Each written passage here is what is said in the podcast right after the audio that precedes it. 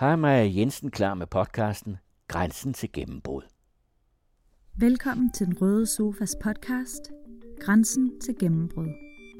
Jeg hedder Maja, og i denne podcast forsøger jeg at finde ud af, hvorfor og hvordan unge mennesker overskrider grænsen inden for litteraturens verden og bliver udgivet for første gang.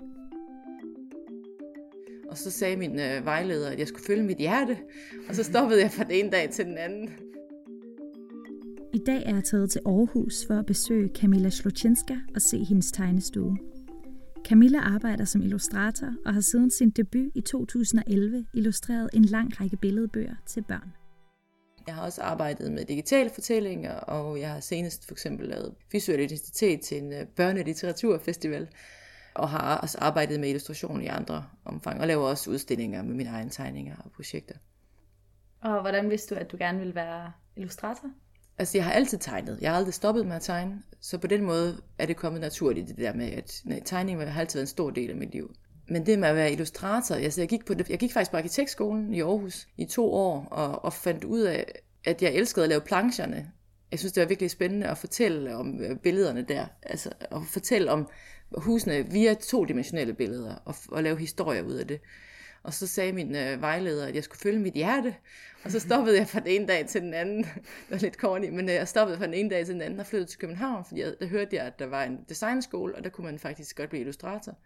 Og så flyttede jeg til København og søgte ind på designskolen, øh, og fandt ud af, at der ikke var en illustrationslinje, men der var noget, der hed visuel kommunikation. Så illustrationslinjen lå på designskolen i Kolding, men på det tidspunkt, der havde jeg boet i København i et år, og synes det var fedt at bo der, så jeg blev altså der fandt jeg så ud af, at der var noget, der hed illustration, altså, og arbejdede sådan lidt med illustration inden for sådan grafisk, med grafisk, og der var også nogle enkelte illustrationslærer. Vi havde nogle dygt, altså et par dygtige lærere, som havde nogle forløb omkring illustration til bøger. Og, men jeg var stadigvæk sådan lidt i vildrede omkring det der med bøger, og hvordan man, hvordan man kunne bruge illustration, hvordan man kan arbejde. Jeg, jeg, jeg kunne ikke rigtig sådan forestille mig, hvordan man kunne arbejde med illustration, og hvordan man kunne leve af det. Og så tog jeg praktik et halvt år til Glasgow, hvor der faktisk var en decideret øh, illustrationslinje. Glasgow School of Art. Og der fik jeg sådan mere blod på tanden for at illustrere øh, tekster og sådan noget. Og da jeg kom hjem, så tænkte jeg, okay, der er et eller andet i det her med bøger.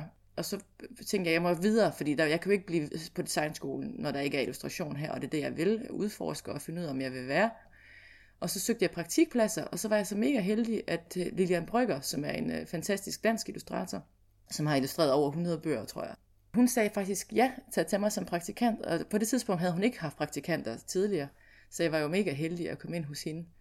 Altså det var jo fantastisk at sidde, jeg var et halvt år hos hende og se hendes arbejdsproces, og hvordan hun arbejdede med bøger, og hvordan hun så bogen som medie, og, og var, var rigtig sød til at tage mig med til alle mulige øh, møder, altså forlægsmøder og sociale arrangementer, være mødt forfattere og illustratorer. Så det var virkelig sådan et indblik i billedbogen på godt og ondt.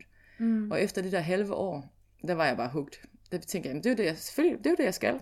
Altså, ikke fordi jeg skulle være Lilian, men jeg skulle være Camilla og, lave, og lave billedbøger på min måde. Men, men jeg var i hvert fald hugt på mediet. Ja, det var sådan, at, jeg, at min billedbogs interesse ligesom blev uh, tændt. Men hvordan kom du så helt konkret i gang med at arbejde med det og udgive dit eget? Allerede mens jeg gik på designskolen, der lavede jeg faktisk en, der startede jeg op på en billedbog, som jeg ikke troede ville blive til noget, men som, jeg, som var sådan min egen lille mærkelige øh, øh, samsurium. Jeg var ikke forfatter. Altså, det ser ikke mig selv som forfatter, men jeg ser mig selv som en fortæller. Øh, jeg kan godt fortælle historier, og jeg har også selv skrevet og tegnet tre bøger. Øh, men de, de kommer ikke ud af tekst, de kommer ud af billedet. Så der havde jeg allerede begyndt sådan at have kimen til at lave en billedbog. Men min første billedbog, som blev udgivet, den kom i stand ved, at jeg, jeg kom i praktik i Gyldendal, og fik der en tekst af Kim Forbes Åkesson, som hed Paradis, som jeg skulle illustrere. Man laver selvfølgelig ikke sin første bog med Kim Forbes Åkesson på Gyldendal. Det er, ikke, det er jo sådan en paradis af en øh, opgave, ikke kun paradis af en tekst. Mm. Så jeg tænkte, at det var bare noget, at jeg fik den her tekst, så de ligesom kunne hjælpe mig sådan, så Camilla, så kan Camilla lige hygge sig lidt med den. Så kan vi give hende nogle tips til, hvordan hun senere kan arbejde. Og jeg troede, det var en professionel illustrator, der skulle illustrere den. Jeg var jo ikke en professionel illustrator, tænkte jeg på det tidspunkt. Men så lavede jeg nogle skitser til den. Jeg lavede nogle hovedkarakterskitser og lavede et enkelt opslag eller to. Opslag, det er ligesom to åbne sider i en, en billedbog, det er et opslag. Og så, så var jeg, tog jeg til møde på Gyldendal med, med Fubs og min redaktør Elin, og så var de, ja, ej, det ser vildt fedt ud, Camilla. Du, jamen, du fortsætter bare. Og så var jeg sådan, what? Øh, og, så, og så fik jeg faktisk lov til at illustrere den der paradis. Og det, var, det blev så min første billedbogsudgivelse. Og gav mig sådan et blod på tanden for, at siden det var faktisk så nemt for mig at få min første billedbogsudgivelse, så kan det være, at der faktisk er et eller andet, som jeg kan et eller andet, som andre ikke kan måske. Eller at jeg i hvert fald ikke er helt talentløs forhåbentlig, selvom jeg tegner som et barn. Men altså, øh, måske var det det, som gjorde det, at jeg, at jeg har en anden barn i streg, eller sådan noget, det ved jeg ikke. Men mm. ja. Men hvad skete der så bagefter, efter første udgivelse? Øh, jamen bagefter, så var jeg faktisk en, et praktikplads til. så der er et eller andet med de her praktikker, som åbner nogle døre, synes jeg. Jeg var flyttet til Aarhus, efter, efter at have gået på designskolen, der flyttede jeg til Aarhus. Og øh, der er ikke så mange forlag som i Aarhus som i København, men der var Turbin forlaget, som også udgav øh, bedebøger. Der kom jeg så også i praktikplads og fik lov til at illustrere en bog med en forfatter, der hedder Sanja Johnson. Og det var øh, jo ikke min helt debut, der havde jeg lavet Paradis, men det var hendes debut, så det var sådan, vi var sådan ret debuterende begge to. Og fik lov til at lave øh, Hunden, der ikke tror på op, der ikke troede på op.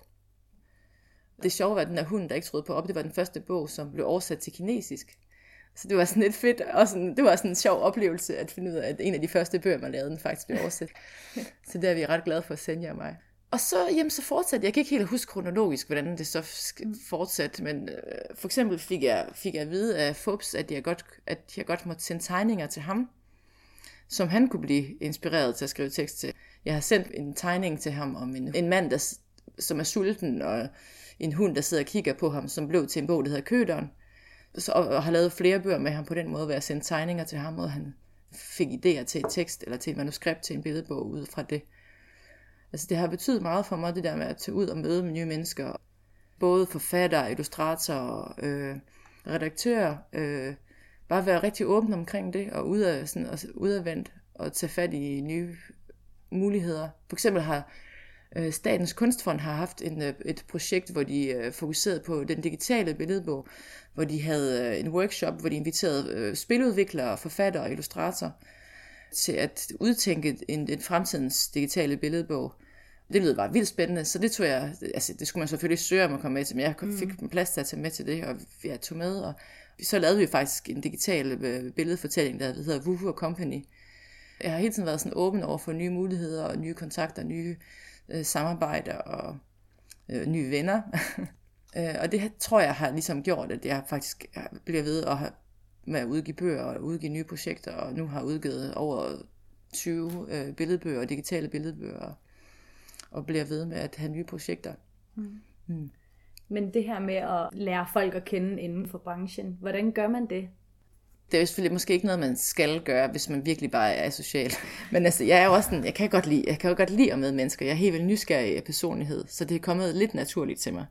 At tage med til øh, receptioner og fester. Og, altså for eksempel, når man har udgivet en bog hos Gyldendal, så er der en øh, årlig øh, sommerfest, hvor man kan blive inviteret til. Så selvfølgelig har jeg taget med til det, og jeg har også taget, jeg har udgivet nogle bøger i Norge, hvor jeg også er inviteret til deres fest, og jeg tog med til en fest i Norge, selvom jeg ikke øh, kendte nogen, og jeg ikke kan snakke norsk. Det var vanvittigt, og jeg ved ikke, hvor meget jeg fik ud af det. Men jeg, men jeg, jeg og jeg har været i Mexico, selvom jeg ikke kan spansk og sådan noget. Altså, så bare tage, tage fat i, hvor man kan tage fat og se tingene som en udfordring, og ikke som en øh, belastning. For eksempel, da jeg kom til Aarhus, havde jeg ikke nogen stor... Øh, altså, der havde jeg jo gået på designskolen i København, så da jeg kom til Aarhus, så tænkte jeg, at jamen, jeg har jo ikke noget som helst. Hvordan delen skal jeg komme i gang med at lave noget som helst i Aarhus, når jeg ikke kender nogen, som er, er interesseret i samme ting som mig. Så der lavede jeg op, startede jeg en illustratorgruppe via mine øh, venner og sådan noget, og via kontakter fra København. Så fandt jeg nogle illustratorer, som boede i Aarhus, og det blev så ikke kun illustrator, så det var også en fotograf og, og altså, vi var sådan en ret øh, broet øh, gruppe, og en tekstil, øh, en, en, en pige, som arbejdede, en kvinde, som arbejdede med tekstil.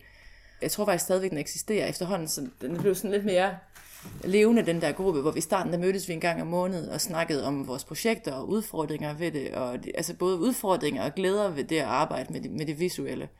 Og det har jo også gjort helt vildt meget, fordi så kan man støtte hinanden og inspirere hinanden, og så sådan nogle, sådan nogle ting, altså sådan tænk, hvordan kan man hvordan kan man hjælpes ad, og hvordan kan man støtte hinanden, og hvordan kan man inspirere hinanden. Det mm. betyder virkelig meget for mig også med den der illustratorgruppe. Hvis man sidder og skal i gang med noget, så er det måske også en fed idé at komme ud på en tegnestue, hvor man også kan møde mennesker, som sidder i lignende situationer, som også søger efter opgaver, og som også ikke helt ved, hvordan de skal gribe det hele andet fra starten. Så det er også virkelig en god idé, tænker at sidde på tegnestue. Jeg sidder på en tegnestue nu i Aarhus, og det er også virkelig en kæmpe støtte, altså at sidde her og når man lige har de her dage, hvor man tænker, shit, jeg, nu ork, jeg kan ikke, jeg har ikke mere i mig. Mm. Og så finder man ud af, jeg har det på samme måde, siger den anden. Og, og, men, og, så man kan støtte hinanden i de der ups and downs, altså hvor, hvor man så også skal støtte hinanden, når det går godt, og siger, ja, nu kører det bare det her. Og, og man kan hjælpe, hjælpe hinanden ad med projekter. Altså det virkelig, jeg synes, det har virkelig betydet meget for mig, det der med det sociale. Mm. Og selvfølgelig er det jo også et arbejde, hvor man er meget alene, og hvor man er ret indadvendt tit. Så det skal der også være plads til. Altså. Men, men, men jeg synes også, det sociale, hvis man kan finde en balance, jeg synes for mig har det været vigtigt med den der balance mellem det sociale og, og det der sådan helt øh, indadvendte. Nu nævnte du tidligere, at du også har udgivet øh, børnebøger, hvor du selv har øh, skrevet teksten også. Mm-hmm. Hvordan blev der åbnet op for det for dig? Altså jeg kunne forestille mig, at det var lidt noget, der skulle overvindes. Jamen faktisk, så var det den bog, jeg nævnte, øh, for, som jeg startede på på designskolen. Det var faktisk den, der var min debut af, som, uh, sådan, som forfatter, øh, eller billedfortæller. Jeg, jeg, jeg tøver lidt med at sige forfatter, men det er jo egentlig, man er jo autør, men har skabt en historie selv. Øh, og det var faktisk den, jeg tog fat i. Det var ikke en historie, jeg startede med at skrive teksten, men det var nogle billeder, jeg havde skabt, og så lavede jeg sådan en fortælling, som var baseret på både tekst og billede, og som, hvor tekst og billede arbejdede sammen hvor meget kan jeg fortælle med billeder, og hvor lidt kan jeg fortælle med tekst. Det var egentlig det, som, som var sådan udgangspunktet. Og så siden det har jeg lavet en bog, som også arbejdede videre med det der med balancen med billeder og tekst. Og hvor jeg sådan over, prøvede at overskride lidt grænsen for, at jeg ikke tænke så meget på, at det skal være en billedbog, eller det skal være en tegneserie, men, men, men tænke, fuck det, altså det er, ikke så meget, det er ikke så vigtigt at sætte i kasser og lave en decideret billedbog, eller decideret en uh, tegneserie, men hvor jeg bare legede lidt med, med, med redskaberne fra begge verdener. Jeg er blevet lidt mere tændt på tekst, men det er, det er nok noget, som er lidt en større udfordring for mig, det med tekst. Så måske bliver det sådan en mellemting næste gang, hvor jeg laver en billedbog, som tager udgangspunkt i billedet, men som alligevel også er mere tekstpræget. Måske, men billedet, man skal jo ikke undervurdere billedet. Men det er jo ikke nødvendigt. Altså, jeg synes jo, billedet og tekst er ligeværdige fortæller. Så måske skal jeg lade være med at tænke på det der med, at jeg også gerne vil være rigtig forfatter i godsøjne, som, mm. og så bare fokusere på det, som jeg kan. Er det noget, du synes, der er en tendens til? Altså, at man undervurderer billedet i, i børnelitteratur? Altså, desværre er det noget, som jeg er lidt bange for stadigvæk, at man, at man, at man faktisk ser tekst som en lidt vigtigere del, og illustration som en form for dekoration til teksten. Og det er jo lidt skørt, især i billedbøger. Jeg, jeg ved godt, der er også illustrerede bøger, det er noget andet, men i billedbøger, der er tekst og billede jo ligeværdigt der er jo ikke nogen, der vil købe en billedbog uden billeder. Altså forsen ved, ved en billedbog, det er jo samarbejdet mellem tekst og billede.